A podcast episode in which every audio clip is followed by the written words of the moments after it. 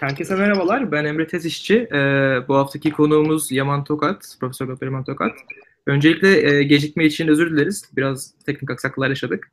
Ee, ben önce kendimden bahsedeyim isterseniz. Sonra Ata kendinden bahseder. En sonunda Yaman Bey ile programa başlarız. Ee, ben 2016'da Koç Üniversitesi Elektrik Elektronik bölümünü bitirdim. Bitirdikten sonra e, yüksek lisans için San Francisco'ya taşındım. Bir yıldır San Francisco'da yaşıyorum. Ee, burada uluslararası işletme e, yüksek lisans master yapıyorum. Bundan sonra bir sürede buradayım. Ata da kendinden bahsederse sonra yine başlayabiliriz. Teşekkürler Emre. Herkese iyi akşamlar. Ben Ata Avlar, Sabancı Üniversitesi Endüstri Mühendisliği 2. sınıf öğrencisiyim. Ee, bu akşam e, Sayın Yaman Tokat'la beraberiz. Yaman Bey, isterseniz siz biraz kendinizi anlatın. Sonra da hem yayın öncesinde gelen hem de yayın sırasında gelen soruları cevaplayalım. Şimdi e, merhaba arkadaşlar. Bir zor bir bağlantı oldu ama aslında çok kolay olması gereken şey niye böyle zor oldu ben de anlamış değilim ama bir şekilde hallettik. E, önce ben kendimi tanıtayım. Ben Doktor Yaman Tokat. E, İzmirliyim. Tabii bir e, İzmirliyim derken özellikle bastırarak söylüyorum bunu bir gurur kaynağı olarak Türkiye'nin özellikle bugün koşullarında İzmirli olmak ayrıcalık. Doğma büyüme İzmirliyim. Karşıyakalıyım. E, Aa, Sözünüzü kesiyorum Yaman Bey. Ben de İzmir Karşıyaka'lıyım. Evet, Çok memnunum. Süper. Evet. süper. Bak e, memleketli çıktık. Eskiden biliyorsun Doğullar böyle memleketli çıktı mı? Biz aynı memleketleniz falan diye birbirlerine yardım ederlerdi. Şimdi biz İzmirliler yardım etmek zorundayız. E, İzmir'de ilkokul, ortaokul, lise ve Ege Üniversitesi. Bornova Anadolu Lisesi mezunuyum bu arada. E, İzmir'de o dönemlerin en e, parlak okullarından biriydi. Şimdi tabii o da devletin eliyle yok olmak üzere mücadele veren okullar arasına girdi. Sonra Ege Üniversitesi'nde ihtisasımı şeyimi kariyerime başladım. Önce tıp fakültesini okudum. E, tabii bu arada e, biz tıp fakültesi bitirdikten sonra bir mecbur hizmete gittik. Çorum Bayat Yoncalı köyünde mecbur hizmet yaptım. Ondan sonra Amerika'ya düştü yolum. Houston'da tıp merkezinde işte Houston Medical Center'da bir sene çalıştım. Ondan sonra ülkeye dönüp cerrah olmaya karar verdiğim için ülkeye dönüp cerrah oldum. Cerrahlık eğitimim sırasında birkaç kez TÜBİTAK bursuyla MD Anderson e, kanser merkezinde çalıştım. Ondan sonra ihtisasımı tekrar Ege Üniversitesi Genel Cerrahi bölümünde yaptım. Ege Üniversitesi Genel Cerrahi e, ihtisasım bittikten sonra Cambridge Üniversitesi'ne karaciğer nakli öğrenmek. Bu arada bir süre Mayo Klinik'te böbrek nakli ve karaciğer nakli eğitimi de yaptım ihtisasım sırasında. Ondan sonra Cambridge'de karaciğer nakli eğitimimi tamamladıktan sonra ülkeye döndüm ve e, karaciğer nakillerini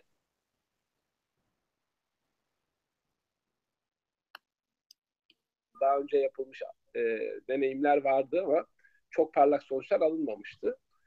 Daha sonra e, Amerika'ya ve Japonya'ya gittim eğitim almak için. O, o sürede de e, canlı karaciğer naklini öğrendik ve Türkiye'de ilk başarılı program olarak canlı nakli, karaciğer nakli programını 1999 yılında başlattık ki bütün dünyayla aynı anda e, ondan sonra bugüne kadar da eğitimim işte uzman, yardım doçent, doçent profesör olarak devam etti. 12 yıl önce de İstanbul'a Florence Nightingale Hastanesi'ne karaciğer nakli bölümünü kurmak üzere geldim ve e, 12 yıldır da burada binin üstünde karaciğer nakli gerçekleştirdik. Şimdi sorular bu benim tanımışsınızdır evet. umarım. Bu benim yani benim şu Çok teşekkürler.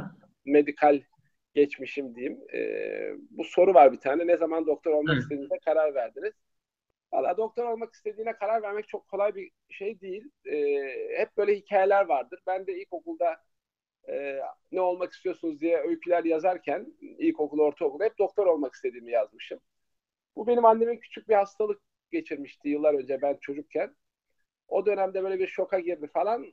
Onun etkisinde kalmış olabilirim. Bir. İkincisi babam doktor olmak istemiş ama İzmir'de tıp fakültesi olmadığı için o zaman doktor olamamış. Onun bana bilinçaltıma koyduğu etki olabilir. Veya bizim dönemde e, ben Anadolu Lisesi'nde okuduğum yıllarda tıp fakültesi en popüler mesleklerden biriydi. Yani tıp fakültesine girmek en popüler işti ve doktorluk en popüler meslekti. Bugün gibi yüzlerce meslek seçeneği yoktu. Yurt dışı seçeneklerimiz neredeyse yoktu. Öyle olunca da biz e, bütün sınıf tıp fakültesi okumaya karar verdik ve 30 kişilik sınıfımızdan 25'imiz tıp fakültesine girdik. biraz e, gündeme uyma diyelim, biraz e, ailenin yıkaması beynini, biraz yaşananlar hepsi birden doktor olmama karar vermemde yardımcı oldu. Yani aslında bana 11-12 e, yaşından beri sorulduğunda ne olmak istiyorsun diye doktor olmak istiyorsun diyordum ben. Çok teşekkürler. E, etkinlik öncesi gelen sorulardan sıradakine geçelim. Ege Üniversitesi'nden sonra nasıl Cambridge'e gidebildiniz? Prosedürden bahsedebilir misiniz? Ya şimdi Cambridge'e gitmek o dönemlerde böyle bir sınav mınav diye. Burada ben İhtisası bitirdiğim için yüksek lisans programı gibi düşünebilirsiniz. Amerika'da böyle e, pardon İngiltere'de böyle e, bir fellowship programı yok. Amerika'nın eğitimi ve İngiltere'nin eğitimi burada farklı. Aslında karaciğer nakli o kadar yeni bir konuydu ki ülke için. Ülkenin de böyle bir eğitimi hala yok ya bir programı da yoktu. Kimin yapabileceğine dair bir bilgi de yoktu. Ben oradaki profesörle kürsü başkanı çok ünlü bir kürsü başkanıdır. Avrupa'da ilk karaciğer naklini yapan ve çok e, yıllarca bu işi yapmış e, birine bir kongrede tanıştım. Onunla dostluk, ahbaplık kurdum. Sonra yazışarak yanınıza gelip görmek istiyorum dedim ne yapılıyor. Şimdi görmek istiyorum deyince kimse hayır demiyor zaten bu sistemlerde. Önce görmek istedik. Ondan sonra çalışmak istiyorum diye gece gündüz orada onların arkasından dolaştım. Yani senin ne kadar istekli olduğunu görünce e, sana bir şans veriyorlar. Bütün dünyada böyle, bizde de böyle, bütün dünyada da böyle. Sen isteğini gösterdikçe şansı alıyorsun. Ve Cambridge'de ben e, honorary e, senior registrar oldum. Yani Türkçesi onursal baş asistan oldum. Onursal baş asistan olduktan sonra da karaciğer çıkarmaya, karaciğer ameliyatlarına girmeye e, başladım ve aşağı yukarı 90 kadar ameliyata girdim orada. Ve çok parlak bir yıl geçirdim. Bence çok iyi dostlarım oldu. Çok iyi eğitim aldım. Ve dönüşte tam döneceğim gün lütfen bizde çalışmaya devam ettirdiler. Çünkü İngiltere'de kanunlar değişti ve bütçe arttı. Şeyin e, departmanın bütçesi arttı. Lütfen kal dediler. Ama ben e, kalmak istemedim. Çünkü Türkiye'de yapılmamış bir işti ve Türkiye'de ilk yapan e, belki de bir yerde kahraman olmak isteyen kişilik beni buralara geri attı. Halbuki çok iyi paralar da vermişlerdi. Türkiye'de kazandığımdan çok daha yüksek paralar vermişlerdi ama Türkiye'de ilk olup kendi ülkemde bu işi yapmayı istedim. Geri dönüp baktığımda da iyi ki de öyle yapmışım diyor. Çok teşekkürler. Sıradaki sorumuz yurt dışında eğitim aldıktan sonra neden Türkiye'ye döndünüz? Aslında demin cevapladınız bunu biraz. Aslında cevapladım. Şimdi yurt dışında eğitim aldıktan sonra birçok kez bana yurt dışından teklifler geldi. Çünkü ilk dönüşümün nedeni e, Türkiye'de yapmaktı. Bu işi yapılıp Türkiye'de başarabileceğime inanıyordum. Orada ikinci, üçüncü adam olacağıma Türkiye'ye geleyim ilk önce tek sonra da ben kendi adamlarımı yetiştireyim düşüncesi vardı kafamda hep. O nedenle döndüm. Para falan çok umurumda değildi. Çünkü bir işi iyi yaparsan nasıl parayı kazanacağını biliyorsun. Yani bu herkesin bildiği bir şey. Yeter ki iyi yap yaptığın iş. Hangi iş olursa olsun bu geçerli. Öyle olunca ben de e, orada verilen yüksek rakamları reddedip Türkiye'de ilk olmak istedim. Gerçekten de iyi oldu. Sonra Türkiye'de başarılı olduktan e, itibaren Amerika'dan birkaç teklif geldi ki o günkü maaşımla e, kazandığım bir aylık maaşın 10 katını yani bir ayda yılda kazandığımı aylık olarak bana teklif ettiler. Tabii çok iyi bir paraydı. Hele o günleri düşünürsek bundan e, 15 sene kadar önceydi bu teklifler. Çok e, heyecanlandırıcıydı ama o dönem gitseydim belki Türkiye'ye dönemezdim. Ve Türkiye'de bu işi daha da geliştirmek istiyordum. Tatmin olmamıştım yani. Daha yaptığım işte istediğim noktaya gelmemiştim. Onun için reddettim. Ve tabii demin de söylediğim gibi geriye dönüp baktığımda iyi ki de reddetmişim. Memnunum reddetmekten. Teşekkürler. Sıradaki sorumuz, ben lise sınıf, son sınıf öğrencisiyim. Eğer girebilirsem tıp fakültesinde okumak istiyorum. Bazı tavsiyeleriniz neler olabilir? Şimdi e, şöyle bir şey, bir kere bir insan neyi çok istiyorsa başaracaktır. Yani tıp fakültesine girebilmek için tavsiyelerim tabii ki çalışmak vesaire vesaire, puan tutturabileceği yerleri yazmak. Yani şimdi liseden üniversiteye giriş sistemleri hakkında çok fazla bilgim yok. O kadar değişiyor ki sistemler. Türkiye'de adapte olmak çok zor. Ancak güncel ya oğlan, oğlun kızın olacak üniversiteye giden veya e, işte bir akraban olacak bilebilmek için. Nasıl gelir tıp fakültesine bilmiyorum doğrusu ama çok çalışmak gerektiğini biliyorum. Tıp fakültesinden sonra nasıl başarılı olunur? Bu şöyle aslında üniversitelere baktığımız zaman üniversitelerin son dönemlerde içleri çok boşaltıldı. Birçok üniversite kuruldu ve tıp fakülteleri de kuruldu. Ve maalesef bu fakültelerde ders verecek hocalar yeteri sayıda değil, yeteri kapasitede değil, yeteri beceride değil. Yani öğrenciler biraz kendi kendilerine öğrenmek zorunda. Ama geriye dönüp de baktığımda bizim hocalarımızdan da o kadar hele internet çağının olmadığı bir dönemde yetiştiğimizi düşünürseniz kitap yok, internet yok. Hocaların söylediklerine inanmak zorunda olduğumuz bir dönemde. Şimdi geriye dönüp düşünüyorum da onların söylediği bazı şeyleri gerçekten çok e, bugünkü değerlerle ölçülmeyecek şeyler söylemişler saçma sapan. Ve biz bunlara rağmen doktor olduk. İyi de doktor olduk. Birçoğumuz. Kendi adıma konuşmuyorum bunu. E, yeter ki iste. Önce bir tıp fakültesine kapak at. Tıp fakültesine kapak attıktan sonra da gece gündüz çalış. Arkadaşıma söyleyeceğim bu. Mutlaka e, iyi bir doktor olacaktır. Birinci basamak hep basamak basamak gidecek. Önce kapak atacak. Sonra derslerine başlayacak. Ondan sonra ihtisasa girecek. İhtisası başlayacak diye gidiyor hayat. Çok teşekkürler. Ee, şimdi İbrahim Budeyri isimli bir izleyicimiz bir soru sormuş. Önümüzdeki 15-20 sene için hepatopan kreatobiliyer cerrahinin ufkunu nasıl görüyorsunuz? Ya şimdi e, hepatopankreatobiliyer cerrahi karaciğer, pankreas ve safra yollarının cerrahisi anlamına geliyor. Bir kere son yıllarda en hızlı gelişen e, bilim dallarından biri. Ben asistanken bu bölgelere dokunulmuyordu. Ben şimdi bu alanın uzmanlarından biriyim ve bu da alanda dünyanın birçok ülkesinde yapılamayan şey bizim ülkemizde, bizim merkezimizde yapılıyor. Çok hızlı ilerleyen bir dal. Bir de şöyle bakmak lazım. Dünyada insan yaşı ilerliyor. E, diyabet ilerliyor.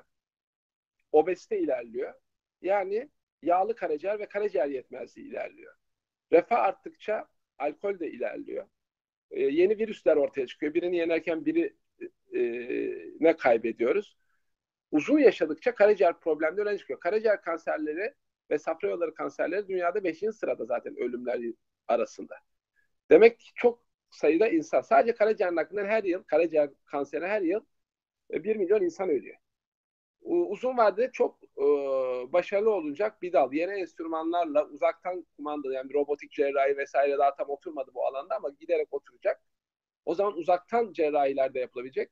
Yani bu işi iyi yapan insanların önümüzdeki 15-20 yılda daha çok parlatabileceği, daha çok yapabileceği işlerin olduğu bir alan.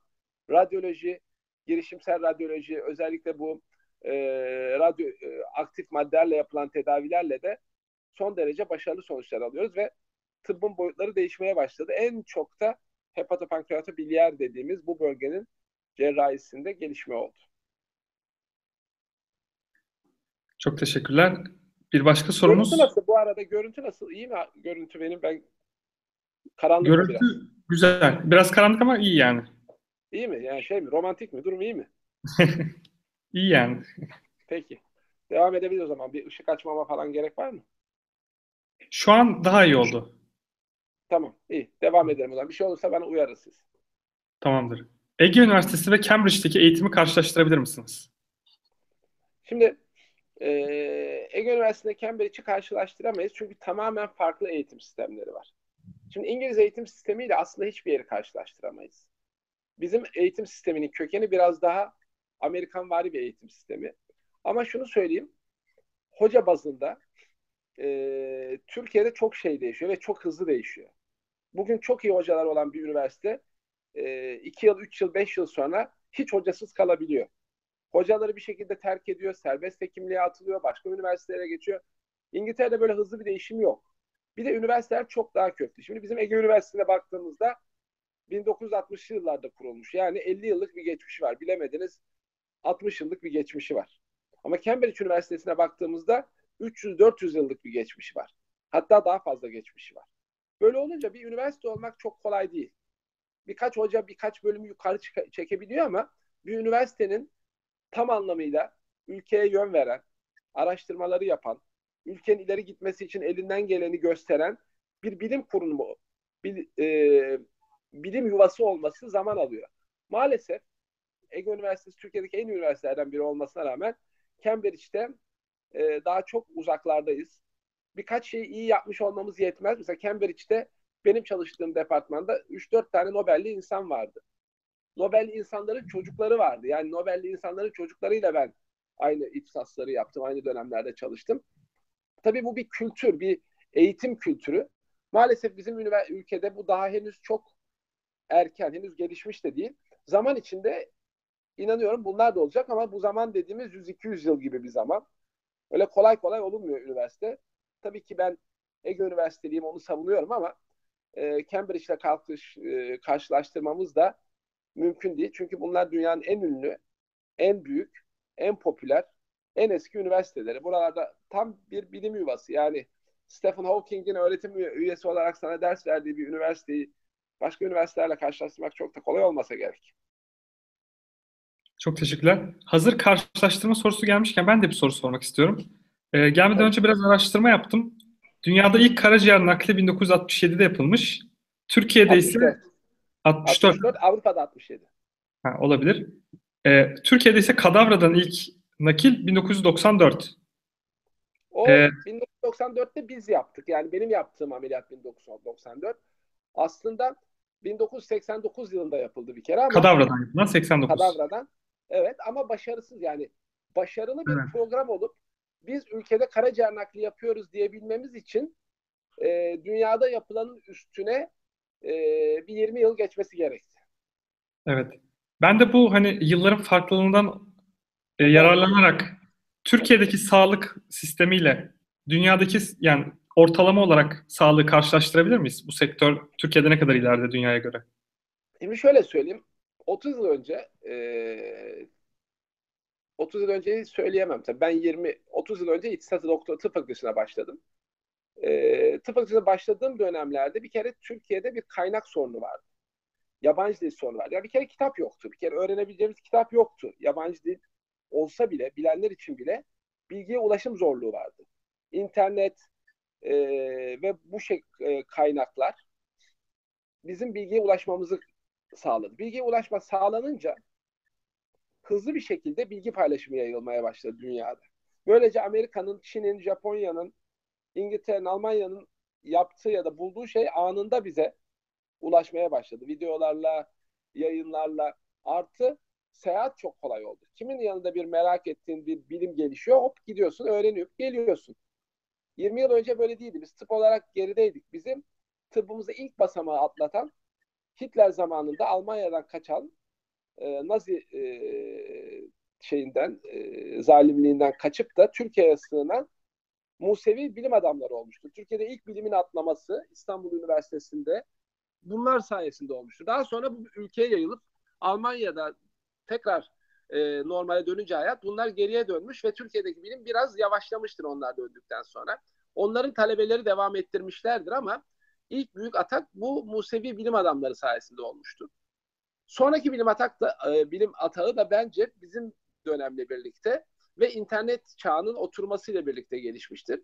Şimdi bakın Türkiye'nin her bir yanından, dünyanın her bir yanından birbirimizle konuşabiliyoruz.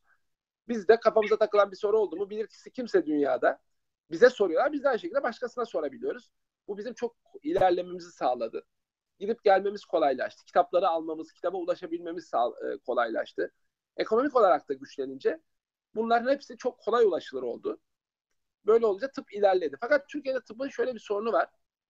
Türkiye'de tıbbın e, standardı çok yüksek değil. Yani çok iyi doktorlarımız var. Çok büyük hatalar yapılıyor. Dünyada da böyle. Çok büyük, çok iyi doktorlar var. Çok büyük hatalar yapılıyor ama ülkenin gelişmişliği ne kadar yüksekse standartları da o kadar yüksek oluyor. Yani ortalamamız düşük. Her alanda olduğu gibi aslında. Genel alanda ortalamamız düşük ama çok parlak alanlarımız, çok parlak doktorlarımız, çok başarılı yaptığımız işler var. Ama ortalamaya baktığımızda ortalamamız bir Amerika, bir İngiltere, bir Almanya'dan daha düşük. Cevap oldu mu bilmiyorum sonra. Oldu. Çok teşekkürler. Ee, anonim olarak bir soru daha gelmiş. İngiltere'de evet. tıp eğitimi aldıktan sonra orada çalışmak mümkün olur mu? Şimdi İngiltere tıp eğitimi aldıktan sonra orada çalışmak mümkün tabii. Tıp eğitimi almak zor yalnız İngiltere'de. Amerika'da da öyle. Tıp eğitimi almak en zor e, alması e, olan eğitimlerden bir tanesi. Ama eğitimi alırsan, eğitim almasan bile çalışabilirsin. Dedim ya ben işte eğitim almadan gittim. Bana iş teklif ettiler. Yeter ki sen iyi ol. İyi olduktan sonra her yerde, dünyanın her yerinde iş bulabilirsin. Tabii tıp eğitimi alırsan iş bulman kolaylaşıyor.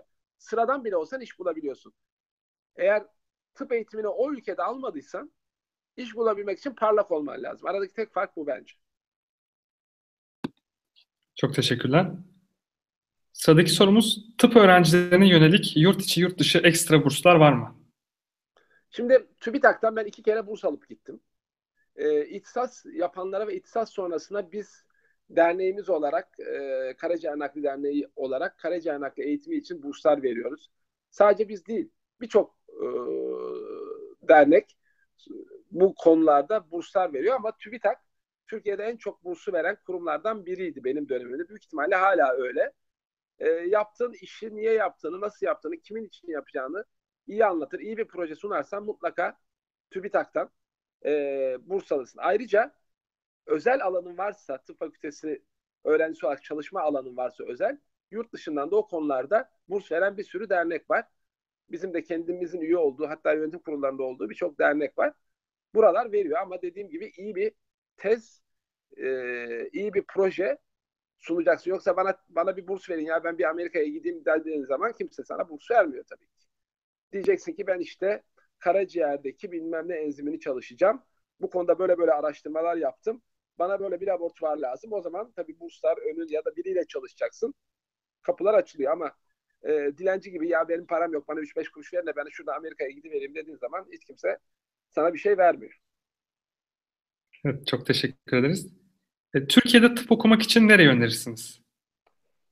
Vallahi ben bir şey söyleyeyim mi? Tıp okumak için bir kere hala köklü üniversitelerin neticede e, oturmuş bir sistem olduğunu düşünüyorum. Köklü üniversiteler birinci tercih olmalı. Bunlar da e, bana sorarsan en az 30-40 yıllık üniversitelerden bahsediyorum. Birinci tercih bunlar olmalı. Daha sonra yeni açılan bir sürü üniversite sırayla gelebiliyor ama kişisel kanaatim önce eski devlet kuruluşları birinci basamak. Her ne kadar içleri boşalsa da her ne kadar eskisi gibi ya da bizim istediğimiz kadar iyi olmadığını düşünsek de yine de temeli sağlam oturmuş kurumlar bunlar. Şimdi ben özel üniversiteler için, özellikle tıp fakülteleri için bir şeyler söylemek istiyorum. Özel üniversitelerin e, geleceğinin çok Türkiye'de aydınlık olduğunu görüyorum. Ama özel üniversitelere gerçekten devlet yardımının ciddi boyutlarda yapılması ve gelişmesi için e, desteklenmesi lazım. Eğer gelişmesi için desteklenmezse özel üniversiteler, şimdi öyle bir hal aldı ki bütün devlet hastaneleri üniversite oldu. Herkes özel üniversite açma hakkı doğdu. Herkes özel üniversite açabiliyor. Bir üniversite enflasyonu yaratıldı. Ha üniversite ihtiyacımız yok mu? Var. Bu kadar açılan üniversite yeter mi? Bence bunlar bile yetmez. Daha çok açmamız lazım. Ama içlerini dolduramadığımız bir süredeyiz biz. Bir hakikaten büyüyoruz ama büyük ayakkabı aldı. Hani bu şey gibi çocuğa büyük ayakkabı alırsın ileride giyer düşüncesi vardır ya. Şu andaki üniversite açılışta böyle bol bol açıyoruz ama içini dolduracak öğretim üyelerimiz henüz yok. Mutlaka onlar da yetişecek ve e, yeterli öğretim üyeleri olacak ama özel üniversitelerin burada bayrak olması gerektiğini düşünüyorum. Çünkü bizim sistem biraz Amerikan sistemine benziyor. Ee, bu nedenle de özel üniversiteler önemli bir ivme getirecek. İşte e, tıp fakültesi dışındaki alanlarda oldukça iyiler. Birçok örneği var işte Sabancı, Koç, Bilken. E, ciddi köklü yıllarını vermiş Boğaziçi, Orta Doğu gibi e, üniversitelerle yarışıyorlar. Ama tıp fakültesine baktığımız zaman tıp fakültelerinde gerçekten e, köklü üniversiteler hala ön planda gidiyor. Bunun için de özel üniversitelere hem devlet desteği hem de ekonomik olarak öğretim üyelerine destek lazım ki buralarda kalkınabilsin, yürüyebilsin ama e, önümüzdeki yıllarda bunun daha iyi olacağını düşünüyorum. Şu an için önerim sorunun cevabına bir daha geleyim. Köklü devlet üniversiteleri birinci tercih bu olmalı. Çok teşekkürler. Bir başka soru. Karaciğer nakli nedir? Verici için riskli midir? Peki daldan dala atlıyoruz madem. Şimdi karaciğer nakli şöyle. Karaciğer nakli iki tip yapılıyor. Biri ölüden. Tabii öldüğün zaman vericisi risk olmuyor. Zaten ölüsün. Onun için e, burada bir verici riski yok. İkincisi de canlıdan yapılan. Yani ölüden yapılan şu. Bir kişi ölüyor. Organlarını bağışlıyor. Aslında ölüm dediğimiz şey beyin ölümü. Birinci basamak. Yani beyin fonksiyonları itiyor. Sadece kalbi atıyor. Dolaşımı sağlanıyor. Sanki vücudu pompaya sokmuşum gibi vücuttaki dolaşım bir müddet sağlanabiliyor kalbin pompa gücüyle. Bu esnada aileler organ bağışı için izin verirse kalp, böbrekler, akciğerler, e, karaciğer, bağırsaklar, pankreas, kornea gibi organlar, kemikler, deri gibi yüz, kol, bacak gibi organlar kullanılabiliyor. Eğer e, karaciğeri ölüden alıyorsak birkaç yöntem var. Bir tanesi alıp olduğu gibi birinden alıp birine takmak. Ya da ikinci yöntem karaciğeri ikiye bölmek. Biz karaciğeri iki organ kabul ediyoruz. Aynen böbrekler veya gözler veya akciğerler gibi çift organ kabul ediyoruz. doğru yerden bölerseniz karaciğeri iki kişiye kullanabiliyorsunuz. Bir alternatif bu. Canlı vericili Türkiye'de en çok popüler olan son yıllarda kadavra sayısının azlığından dolayı canlı vericili. Canlı vericili de şöyle e, akrabalardan biri işte anne baba kardeş her neyse yakınlarına organının yarısını vermek istiyor. Yarısı değil de işte belli bir yüzde sağ lob ya da sol lob ya da sol lateral segment veya başka bölümlerini. E, bu iş önce vericinin riskleri bakılıyor. Ne kadar riskli bu ameliyat? Birinci kural vericiye hiç zarar vermemek. Ama e, büyük ameliyat yaparsak, özellikle karaciğer sağ lobunu alırsak yüzde yarım, binde beş dediğimiz bir oran var ölüm riski. Yani verici için riskli midir? Evet sıfır riski yoktur. Sağlıklı bir insan ameliyat ediyorsun. Belli riskleri vardır ama yüksek midir? Değildir. Yüzde 99.5 ya da yüzde 99.8 değişik ellerde değişik rakamlar var. Hiçbir sorun olmadan bu hastalar taburcu edilebilir. Ölüm riski yok bu kadar yüksek bir problem olmadan gidebilirsin anlamına geliyor. O nedenle e, bu iş çok deneyim gerektiren bir iş. Yapanlar çok deneyimli olmalı. Bunlar önemli ama vericisi risk var mıdır? Evet vardır. Ciddi riskler de vardır. Hatta ölüm riski bile vardır ama e, sevdiğim bir insan için bu riskler göze alınabilir diye düşünüyorum ben. E, ben ek, ek olarak bir şey sormak istiyorum. Ben de Türkiye'de yani kadavra bağışının az olduğunu duydum. Fakat e, kadavra bağışı fazla olsa bile karaciğer nakli için daha verimsiz bir çalışma olmaz mı? Bir daha söyle. Sorunun sonunu neden böyle verimsiz diye düşündün onu anlamadım. Yani sonuçta canlı bir insandan, canlı vericiden karaciğer almakla kadavradan almak aynı şey değil diye düşünüyorum. Ama şöyle kadavra dediğimiz beyin ölümü. Yani hala organ dolaşımını devam ettiriyor. Tabii ki bu işin özünde ölüden almak var. Canlıdan almak tıbbın aslında ilk buluşmasında zarar verme e, diye bir laf vardır. Primum non notare. Yani önce zarar verme. Bir hastaya bakıyorsan önce zarar vermeyeceksin doktor olarak. Halbuki sanki zarar vermiş gibi adamı ameliyat ediyorsun. Hiçbir şey olmayan bir adamı. Biraz etik olarak çelişkili gibi duruyor ilk başta canlı vericili ama haklı olduğun, haksız olduğun yanlar var. Haklı olduğun yan anatomik olarak her şeyini bildiğin, daha iyi kaliteli seçebildiğin bir organı kullanıyorsun. Haksız olduğun yan e, ölenlerin organları çöpe gidiyor. Bu organları alıp birinde yaşatmak varken niye sağlıklı bir insanı ameliyat edelim? Bir. İkincisi bunların ameliyatı daha kolay. Kadavra organ bir bütün olarak taktığın zaman daha kolay bir ameliyat. Canlıda daha büyük, daha çok parça ve e, daha riskleri yüksek bir ameliyat yapabiliyorsun. Tabii deneyim geliştikçe canlı becerisi arttı. Sonuçlar aynı olsa bile herkesin canlı akraba vericisi yok. O nedenle tabii biz ülke olarak her zaman kadavrayı savunmak zorundayız. Ama canlı yapmadan da duramayız. Çünkü biz doktor olarak iki şeye dikkat ediyoruz. Bir tanesi insanlar ölmesin diye uğraşıyoruz. İşte e, nerede oluyor bu beyin e, ölümleri? Trafik kazalarında oluyor, beyin kanamalarında oluyor. Ani kalp krizlerinden sonra kalp duruyor, geç masaj yapılıyor, onlar da oluyor. İnsanlar kalp krizi geçirmesin diye kolesterollerini düşürüyoruz, beyin kanaması geçirmesin diye tansiyonlarını kontrol ediyoruz. Trafik kazası geçirince kolay kolay ölmesinler diye emniyet kemeri koyuyoruz. Alkolsüz kullanmayın diyoruz. Şey alkollü kullanmayın diyoruz. Hız yapmayın diyoruz değil mi? İnsanları uyarıyoruz. insanlar ölmesin. Ama bir yandan da bu insanlar ölünce organlarını kullanalım diyoruz. Onun için organ kullanılır şekilde ölen insan sayısı tüm dünyada her zaman organ nakli bekleyenlerden daha az sayıda. Yani biz bir yandan insanları öldürmüyoruz, bir yandan ölsün de organlarını kullanalım diye bakıyoruz. Bu bir çelişki. O nedenle hiçbir zaman ölen insanlar kadar e, organ bekleyen olmayacak. Organ bekleyen her zaman daha çok olacak. Onun için bizim hem canlıya hem ölüden alınan organa ihtiyacımız var. Ölüden alınan organlarla ilgili çok büyük çalışmalar yapıyoruz. Biz yıllardır hem biz yani biz derken bütün e, organ nakli ilgilenen arkadaşlar ve devlet de çok büyük yatırımlar yapıyor ama tabii ki ancak 0.7 milyon nüfus başınadan 3.7'ye bu senede 6-7'lere kadar çıkarabildik. Yani aslında büyük bir başarı ama gerçek ihtiyacı karşılamak için milyon nüfus başına 20'lerin üstüne çıkarmamız lazım biz organ bağışı oranını. Anladım. Gerçekten çok zor bir denklem. Sıradaki evet. soru ülkemizde organ bağışı oranları nasıl? Evet, tam olarak cevapladığınız şey artırmak evet. için neler yapılabilir? Arttırmak için, arttırmak için neler yapılabilir? Bir kere, e, bu tek bacaklı bir şey değil. E, karşımızda bir organın bağışının ne olduğunu anlaması gereken bir toplum var, aile var. Bir e, bunun e, doktor bacağı var. Beyin ölümünü tespit eden ve beyin ölümünü tespit ettikten sonra e, bunu aileye anlatan ve organlara iyi bakan bir doktor bacağı var. Bir devlet bacağı var. Bu dağıtımı eşit yapan ve bu dağıtımın yapılabilmesi için her türlü imkanı seferber eder. Demek ki üç bacağında iyi çalışma. Bir de tabii bunun bilinirliğini, sürekliliğini sürdüren bir sosyal toplum var. Yani dört bacaklı bu sosyal toplumun içine gazeteler, televizyonlar, e, öğrenciler, herkes giriyor. Yani bunu paylaştıkça büyüyen bir şey bu. E, ailelerin bilinci bu sosyal toplum sayesinde artıyor. Aile bacağını aslında sosyal toplumla bir arada tutmak lazım.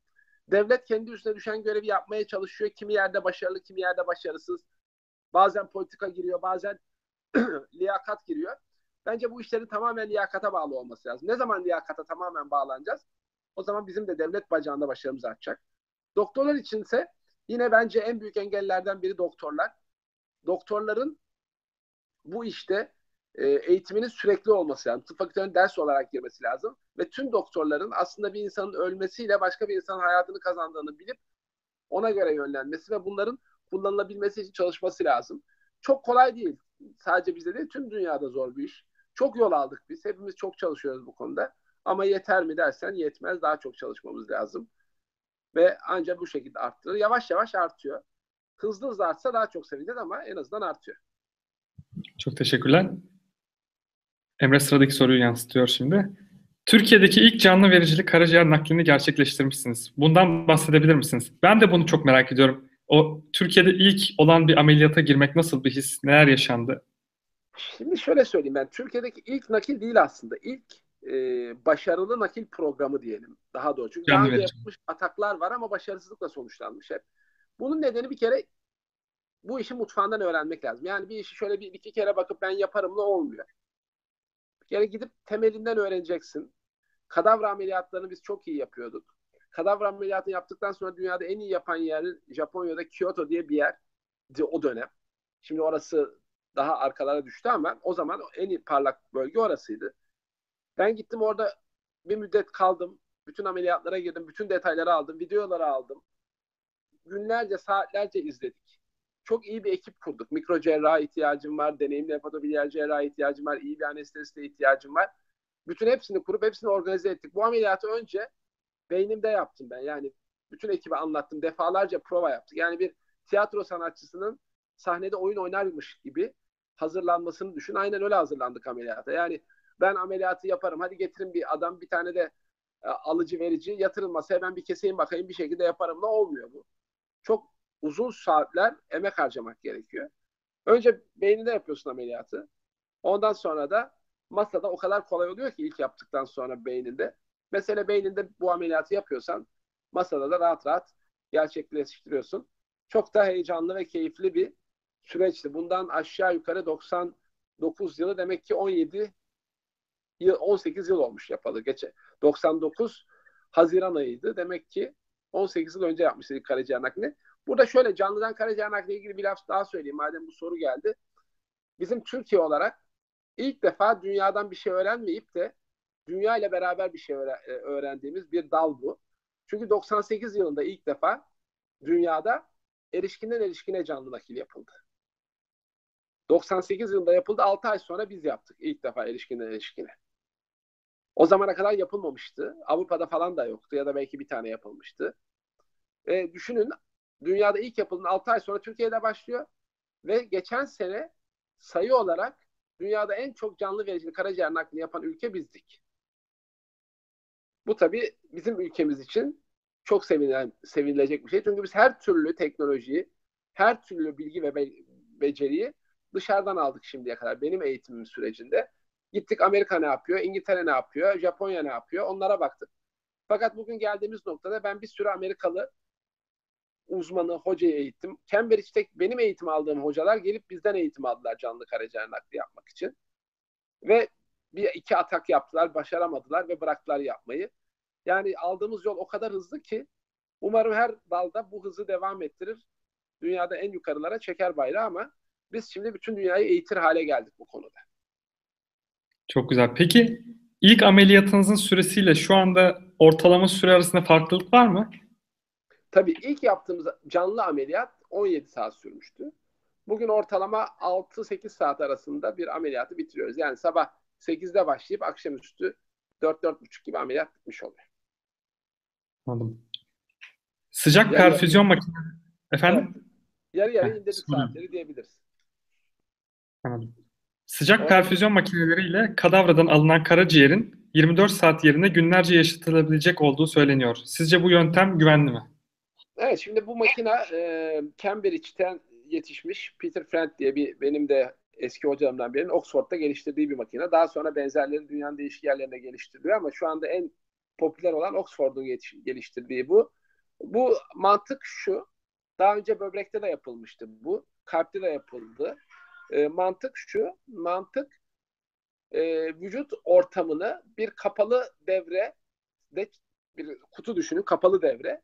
Bunun içinde vücut ortamını, ısısını ve kanını vererek karaciğeri sanki vücutta çalışıyormuş gibi tutmak üzerine kurulu. Şimdi karaciğerin ve böbreğin veya kalbin her organın iskemiye dayanıklılık süresi belli. Bu süreyi geçtiği zaman çalışmıyor. Şimdi burada iskemi süresini minimale indiriyorsun. Direkt makinede sanki insan vücudunda yaşıyormuş gibi bir ortam sağlıyorsun. Isısı, kan basıncı, atar damarından, toplar damarından alınan verilen kanların oranları hep insan vücudundakine oranlayarak hesaplanıyor ve o oranda kan dolaştırılıyor. İnsan kanı dolaştırılıyor. Böyle olunca karaciğer gerçekten iki işe yarıyor. Bu bir, süreyi uzatmaya yarıyor. Eğer bu makine çok verimli çalışabilir, enfeksiyon girmezse bunların en büyük korkularından biri enfeksiyon. Makinenin ara ara durması, kanın pıhtılaşması gibi bir takım problemler olabiliyor. Eğer makineyi sürekli çalıştırabilirsen çok uzun saatler çalış bu organı iskemik olmadan kenarda tutabilir, kullanabilirsin. Ama esas amaç burada şu. Esas amaç kullanılamayacak olan organları kullanılır hale getirmek. Yani kötü olduğunu düşündüğün bir organ iskemide daha kötü oluyor. Bunu minimum iskemiyle takarsan sonuçlar çok iyi. Veya kötü olduğunu düşündüğün, atabileceğini düşündüğün bir organı bu makineye bağlayıp safrasının geldiğini ve çalıştığını görürsen bir insana takma ve başarılı olma ihtimalini arttırırsın. Bu makinenin esas amacı süreyi uzatmaktan çok kullanılamaz organları kullanır hale getirmek. Yani yoklukta e, organ sayısını arttırmak için kullanılan makineler bunlar. Gerçekten de uzun vadede işe yarayabileceğini düşünüyoruz. Fakat şöyle bir sıkıntı var. Bu makineler çok büyük hala. Mobil e, makineler değil. Mobil olmadığı için transportu zor. Transport olmazsa da organ iskemiyecek. İskemi reper, reperfüzyon dediğimiz şey yani iskemi canlanma tekrar iskemi. Ya e, en korkulan şey bu organlarda. En büyük hasarı onlar yaratıyor. İskemi reperfüzyon hasarı. E, şu anda mobilite problemlerini çözmekle uğraşıyorlar ama önümüzdeki yıllar için konuşursak umut vadeden bir cihaz gibi duruyor. Çok teşekkürler. Sıradaki sorumuz. Geçenlerde ıspanak dokusuna kalp kök hücresi enjekte ederek atabilen bir kalp yaptılar. Böyle bir şey karaciğerde yapılabilir mi? Ispanak dokusuna yaptıklarını bilmiyorum doğrusu istersen ama şöyle söyleyeyim. Kök hücreler biliyorsunuz hangi organın üstüne koyarsanız o organın şeklini ve fonksiyonunu alıyor. Zaten kök hücre denmesindeki ya da kök hücrenin fonksiyonu bu şekillenmemiş hücreler bunlar. Bütün e, hedef şu. Ben de Cambridge'de çalışmıştım. E, 93-94 yılında oradaydım. Demek ki 25 yıl mı oluyor? 25 yıl kadar, 24-25 yıl önce Cambridge'de bu konuyu çalışmıştım. Tamamen iskeletize edebiliyorsunuz karaciğeri. Ve üzerine kök hücre koyarsan yani e, karaciğeri üstü yapraklarla dolu bir ağaç olarak düşünün, hayal edin. Bir fırtına çıkıyor bütün yapraklar gidiyor. Tamamen iskeleti kalıyor. İşte bu iskelet vasküler sistemi, safra sistemi, sinir sistemi bunlar oluyor karaciğerin. Bunun üstüne kök hücreyi koyarsan yeniden sağlıklı bir karaciğer elde etmek mümkün. Ama bunu çalıştırmak henüz mümkün olmadı. Kalp için de aynı şeyler geçerli. Atan kalpler yapıldı ama hala klinik uygulamaya geçemedi. Şu ana kadar işte mesane duvarı, böbrek vesaireler yapılmaya çalışılıyor. Mutlaka bir gün yapılacak. O zaman ne olacak?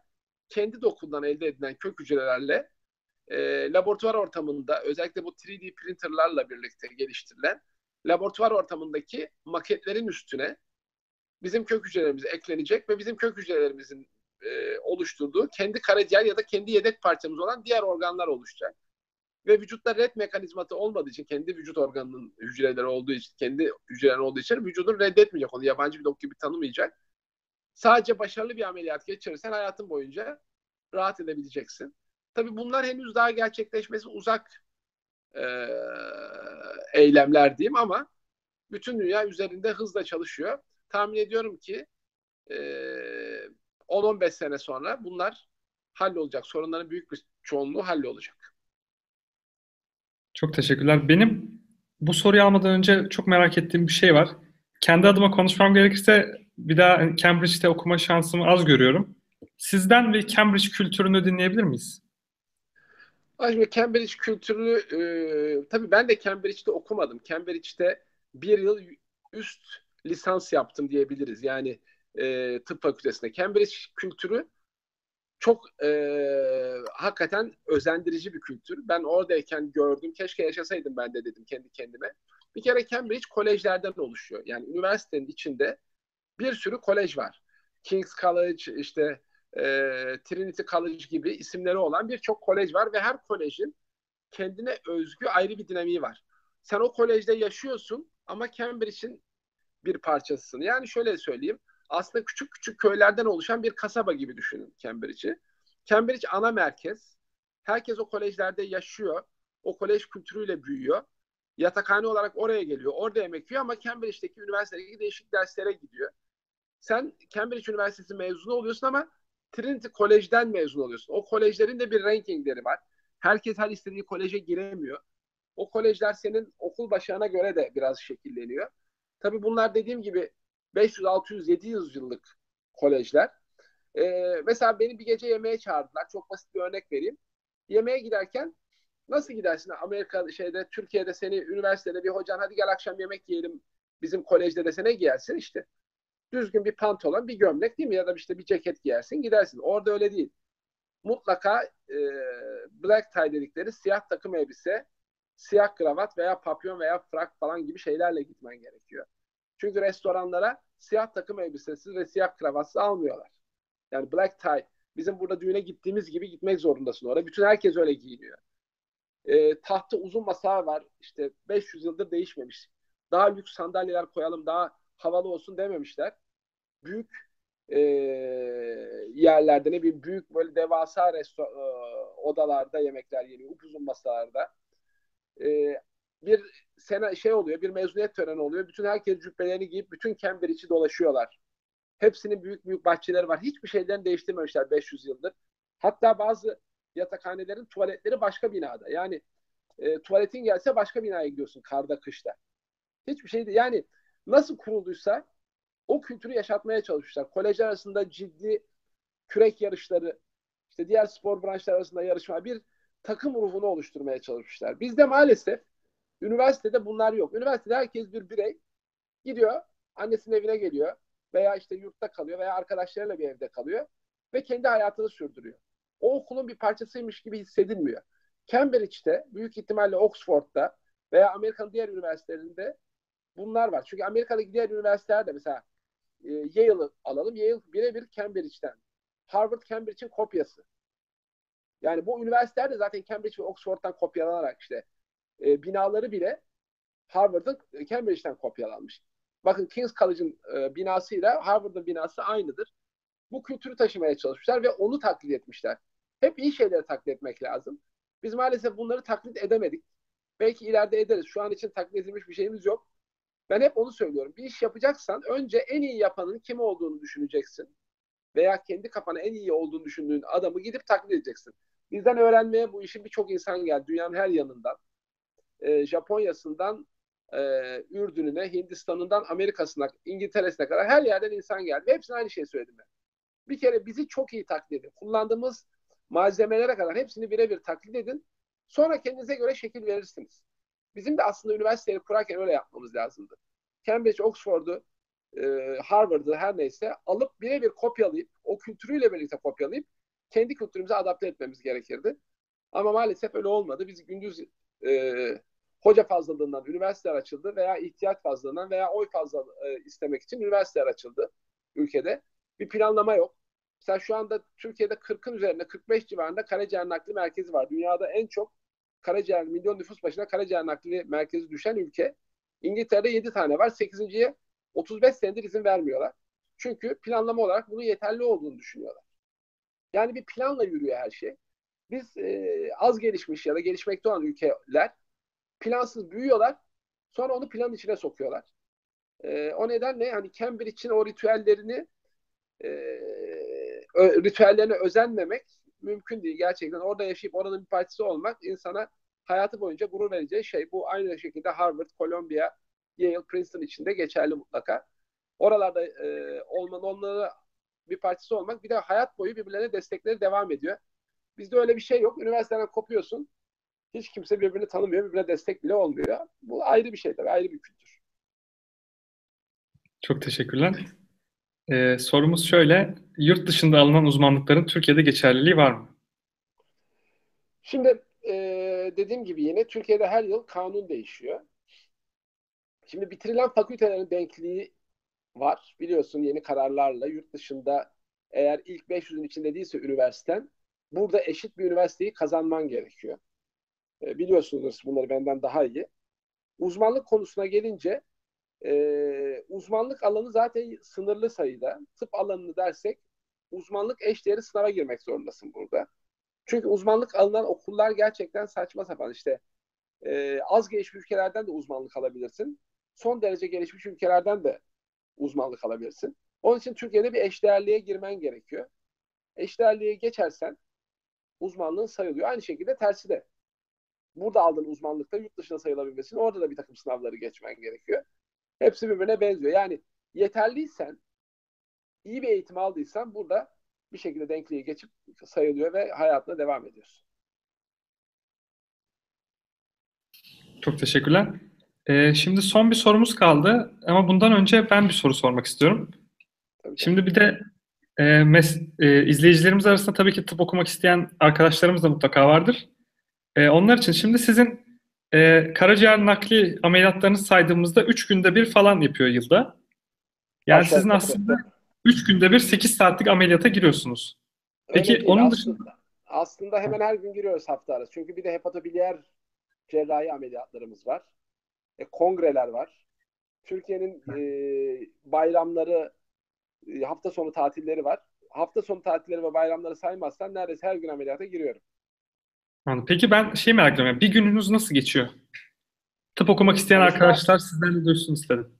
Çalışma hayatında e, şöyle tabii ki bu devre devre bir e, süreç. İlk dönem e, tıp fakültesi bitirdikten sonra uzmanlığa girdiğinde ilk bir yıl neredeyse bizim dönemimizde öyleydi. Hala öyledir. Gün aşırı nöbet tutuyorsun. Yani 36 saat çalışıyorsun, 8 saat boş. 36 saat çalışıyorsun, 8 saat boş. Böyle bir hayata başlıyorsun cerrahi eğitimi alacaksan eğer. Daha sonra e, uzmanlığın bittikten sonra farkındalık yaratman lazım. Yani çünkü cerrahi uzmanı Türkiye'de yüzlerce, binlerce cerrahi uzmanı var. Onlardan bir adım öteye çıkabilmek için kendi yeteneklerinle bağdaştırdığın, yapılmamış ya da ileriye götürebileceğine o gün şartlarda inandığın bir dala yürümen lazım. Ve o dal üzerinde hem Türkiye'de hem dünyada nerede varsa bilgi, beceri, eğitim alman gerekiyor. Onun için de çok çalışman gerekiyor. Yani bu e, antrenmandan sonra 100 ba- şut çeken basketçiler gibi. Herkesle antrenman yapacaksın. Bir de herkesten ileriye gitmek için bir ekstra zaman çalışacaksın. Yani aslında bizim meslek cerrahlık, karaciğer cerrahlığına baktığın zaman hayatına adaman gerekiyor. Yani hayatın mesleğinin en önemli daha doğrusu hayatın en önemli parçası mesleğin olmak zorunda mes- zamansal olarak. Yaş ilerledikçe, meslekte ilerledikçe başka sorunlar da geliyor. E, e, aile sorunları, ekonomik sorunlar, e, sosyal sorunlar, hastaya karşı olarak sorumluluklar bunlar hep üstüne biniyor. Yine zaman olarak senden çok çalmaya devam ediyor ama zamanın dağılımı farklılaşıyor. İlk dönem 17 saatin 17 saatini de ameliyatta geçirirken ilk ameliyatta bugünkü geldiğimiz noktada 8 saatin belki 4 saatini geçiriyorsun ameliyatta. Ee, diğer 4 saati hasta bakmaya, diğer 4 saati günün e, idari sorunları çözmeye, yine 4 saati ekonomik problemleri çözmeye gidiyor ama hayatının 24 saat dersek bir gün aşağı yukarı 18 saatini mesleğinin bir parçasına ayırmış olman lazım. Çok teşekkürler. Ee, şimdi izleyicilerimizden gelen son soruyu alalım. Sonra da Emre arkadaşımız bir soru soracak. Tamam. Bugün 18 yaşına dönseniz hangi mesleği seçerdiniz? Tabii günün şartlarına göre bu fikirler değişebilir ama kendim açısından bu noktaya geleceğimi garanti ederlerse yani bugün konuşmak kolay. Ben bu noktaya geldiğim için kendi mesleğimi seçerim diyor. Ama bu noktaya gele, gelemeyeceğim belli olmazdı 18 yaşında. O zaman bu sorunun cevabını bilmezdim. Ama bana deselerdi ki sen işte 50 küsur yaşına geldiğinde şu noktaya geleceksin. Kesinlikle bu mesleği seçerdim. Geriye dönüp baktığımda iyi ki bu mesleği seçmişim. Birçok insana faydalı oldum. Kendime faydası oldu. Hem sosyal, hem kültürel, hem ekonomik, hem dünyayı görme, hem saygınlık açısından, hem insanlara yardım etme açısından aşırı bir haz verdi. Yani şu günkü sorunun cevabı evet kesinlikle yine aynı mesleği seçer, aynı yollardan hiç aksatmadan geçerdim. Pişmanlık duyduğum mesleksel açıdan bir şey var mı? Doğrusunu istersen yok. Daha çok çalışılabilir miydi? Her meslekte her zaman daha çok çalışabilirsin. Ama şu anda e, sorunun cevabı evet 18 yaşına dönsem yine aynı mesleği seçerdim. Bugünkü aklım, bilgimle birlikte. Çok evet, teşekkür Emre, ederim. Sen ederim. Son gelen soruyu da sorayım. Ondan sonra ben kendi sorum, bir soru daha soracağım. Ee, gelecekte bizi nasıl bir tıp dünyası bekliyor? Ee, son gelişmelerden bahseder misiniz? Şimdi tıp tabii e, aslında konuşmalar arasında soktuk birçok şeyi. Bir kere teknolojiyle birlikte çok iç olacak. Şunu söyleyeyim. 10 yıl sonra bugünkü tıptan uzak kalacağız. Mesela e, uzay çalışmaları bizim için hep ütopyaydı. Yani ulan insanlar niye uzaya gider? Ne var şu uzayda? Yani niye çalışıyorlar ki bu Ay'a gidecek de ne olacak? Mars'a gidecek de ne olacak diyordum. Ama ben içine girdikçe özellikle bizim toplantılarda son yıllarda enteresan şekilde astronotlar, NASA bilim adamları gelip e, konuşmalarını yaptıkça aslında tıbba inanılmaz katkısı olduğunu anladım ben bu uzay çalışmalarının. Bizim geleceğimiz çok farklı son önümüzdeki 10 yılda. Birçok açıdan mesela bu e, internet ortamı da tıbbı çok hızlandırdı. Bilgi alışverişi aşırı, aşırı hızlı oldu. Bu işte e, uygulamalarla, application'larla e, milyonlarca insanın sağlık verisine, database'ine 5 dakikada ulaşabiliyorsun. Yani 3 büyük üniversitenin, geçenlerde bir tartışmada konuştuk onu, 3 büyük üniversitenin Amerika'daki 5 yılda toplayabileceği bilgiyi iPhone sadece 5 dakikada toplayabiliyor. Sadece telefonla. Yani artık e, giyilebilir teknoloji, kullanılabilir teknoloji sağlık alanında çok girdi. Her türlü bilgi anında doktorlara ulaşabiliyor. E, çok farklı bir tıp bekliyor bizi. Bu uzaktan komandalar, bu robotlarla buradan ben Amerikalı bir hastayı e, Alaska'da ameliyat edebileceğim. Hindistanlı bir cerrahla beraber mesela e, uzaktan kumandayla. Veya kök hücrelerle birlikte kendi organlarımız oluşacak. Yedek bahçede bekleyecek bunlar şeylerde, büyük depolarda, buzhanelerde veya işte ona uygun, insan vücuduna uygun ortamlarda. Kök hücreden ölümsüzlüğü sağlamayacağız. Bir kere ölümsüzlük çok kötü bir şey. şey bununla ilgili çok konuşmalar, yazılar okudum, konuştum. Ölümsüzlük yok tıp alanında. Ama uzun ömürlü ve sağlıklı yaşamak var. Hedefimiz o doktor olarak. Ee, bu kök hücre teknolojisinin çok gelişeceğini ve birçok yedek parçayı yapacağını, aynen arabalardaki gibi parçalar bozdukça değişeceğini inanıyorum. E, tabii e, önümüzdeki yıllar hızlı gelişmelere gebe. Bundan 30 yıl önceyle e, bugüne baktığımızda biz cerrahi olarak falan çok geliştiğimizi düşünüyoruz ama ilaçlar, cerrahi teknolojinin yeni yeni aslında bu işe girdiğini görüyorum ben. Önümüzdeki 10-20 yılda bu işin teknolojik açıdan gelişmesinin çok hızlı gideceği yıllar olacağını düşünüyorum ve bugünkü tıbbın 10 sene sonra bambaşka boyutta olacağını düşünüyorum. Çok teşekkür ederim cevabınız için. Çok güzel bir cevaptı. Ee, benim son sorum e, sizin Türk gençliği için, Türkiye'de tıp okuyan öğrenciler için veya tıp okumayan tüm öğrenciler için tavsiyeleriniz, önerileriniz nelerdir? Neler yapmasını tavsiye edersiniz? Şimdi bir kere şunu söyleyeyim ben.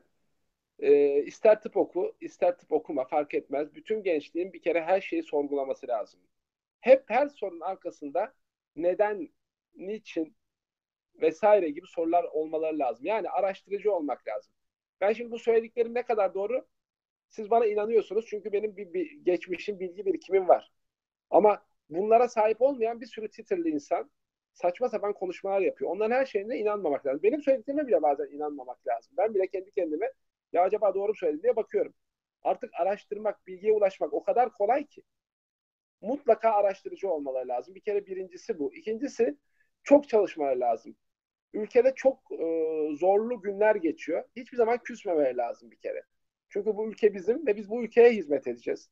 Dünyanın neresine gidersek gidelim. Bazen Amerika'da çalışabiliriz yıllarca. Bu demek değildir ki bu ülkeye hizmet etmiyoruz. Oralardan da bu ülkeye hizmet edebiliriz. İşte bir Türk bilim adamı Nobel'i aldı. Türkiye için gurur oldu ve Türkiye'ye çok büyük hizmet ettiğini düşünüyorum. Bizlerin buradaki yaptığı hizmetten çok daha büyük bir hizmet. Çünkü Türkiye'nin e, güzel yüzünü gösterdi dünyaya. Biz e, üniversite öğrencilerinin Türkiye'yi ileri götürmesini bekliyoruz. Türkiye'ye küsmesini değil, Türkiye'yi ileri götürmesini, bunun için de çok çalışmaları gerektiğini, torpille morpille hayatlarını sürdürmemelerini, yani benim amcam şöyle, babam böyle, o bu partide, bu şu partide deyip kendi geleceklerini başkalarının gelecekleri üzerinden ya da geçmişleri üzerinden kurmamaları, çalışmaları hak ettikleri. Çünkü kim bir yere torpille geldiyse mutlaka hayatları boyunca mutsuz ve sonuçta da başarısız oluyorlar. Ama çalışmanın önünde de hiçbir şey durmuyor. Bunu da unutmayın. Çalışarak ve isteyerek başaramayacağınız, yapamayacağınız hiçbir şey yok. Bu Türk gençliği için de geçerli, Alman gençliği için de geçerli, Çin gençliği için de geçerli. Ben biz çok akıllıyız, çok becerikliyiz, çok tembeliz laflarına inanmıyorum. Ne biz çok akıllıyız, ne biz çok tembeliz. Biz sadece birer insanız herkes gibi. Bunlar arasında kafasını kullanıp çok çalışan öne geçiyor. Türk gençliği de çok çalışmalı. Zaten atamız söylemiş bunu değil mi? Çok çalışmalıyız ki bu ülkeyi bir yerlere getirelim. Bu ülkenin ileri gitmesi için çok şeye ihtiyacımız var. Ee, birbirimize savaşmadan, birbirimizi ötekileştirmeden, birbirimizin yaşam biçimlerine saygı duyarak, bilime inanarak öncelikli olarak lütfen bunu kaydedin.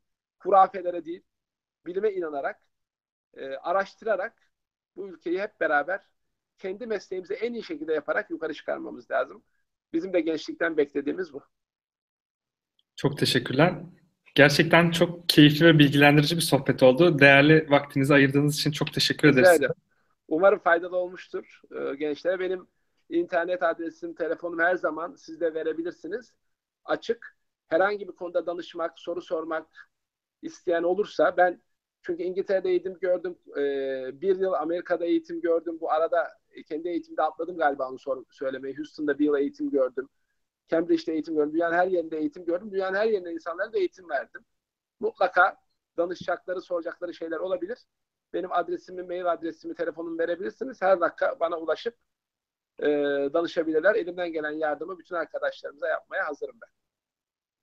Ben de kendi adıma çok teşekkür ederim. Çok keyifli bir sohbet oldu. Ee, nasıl anlamadım bir saatin nasıl geçtiğini.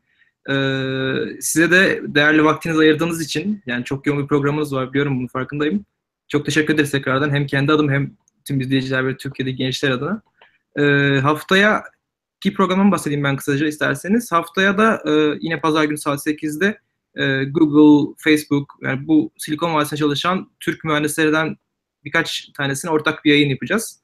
Bilgisayar mühendisliği, elektronik mühendisliği veya Silikon Vadisi bu tarafını merak edenler varsa onlar hakkında bir yayın olacak. E, YouTube hesabımızı veya da Facebook'tan takip ederek tekrar katılabilirsiniz. Tekrardan çok teşekkür ederiz.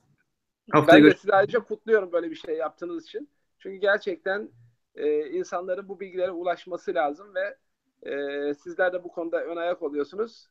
Özellikle bu konuda e, başta seni ve tüm ekibi e, kutluyor ve tebrik ediyorum. Bu çalışmalara devam, hiç yılmadan e, sonuna kadar mücadele. Çok teşekkür ederiz desteğiniz için de. Haftaya görüşmek üzere. Herkese iyi akşamlar. İyi akşamlar. İyi akşamlar.